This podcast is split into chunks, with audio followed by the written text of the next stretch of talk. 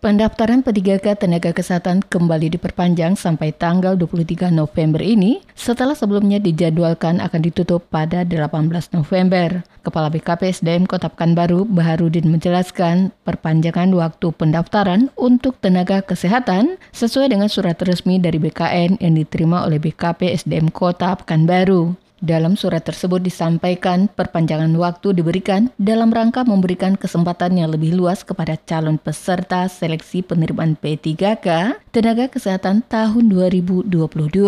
Lebih jumlah pendaftar P3K untuk tenaga kesehatan di lingkungan Pemko Pekanbaru yang telah diterima BKPSDM Kota Pekanbaru sampai saat ini total berjumlah 41 orang atau meningkat dari selasa lalu yang hanya 7 orang pelamar. Dalam kesempatan itu, Barudin kembali menegaskan jika dalam penerimaan tenaga P3K ini, BKP SDM Kota Pekanbaru hanya sebatas fasilitator saja, sementara semua kebijakan teknis langsung ditetapkan oleh pemerintah pusat. Pelamar juga diingatkan Bahar untuk dapat berhati-hati terhadap oknum yang menjanjikan dapat meluluskan untuk diterima sebagai tenaga P3K. Jadi sini perlu saya garis bawahi bahwanya P3K baik itu guru menakes itu uh, kita hanya mem memfasilitasi.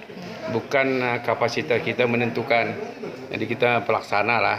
Nanti uh, uh, apa nanti uh, waktu tes segala macam itu ke seperti P3K itu ke medod nakes ke kesehatan itu.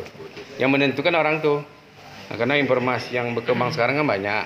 Seolah-olah kita tuh menentukan lah kok nak masuk ke mana itu kan. Nah sebetulnya yang bersangkutan sudah tahu sudah paham sekarang ini kan yang mau diterima informasi kan yang udah lulus apa nama tuh yang apa nama tuh passing tahapan nama itu? Kalau memang ada perubahan yang mungkin pusat lah. Kami pun tak mau nanya pula kan. Desi Suryani itu meliputan Barabas melaporkan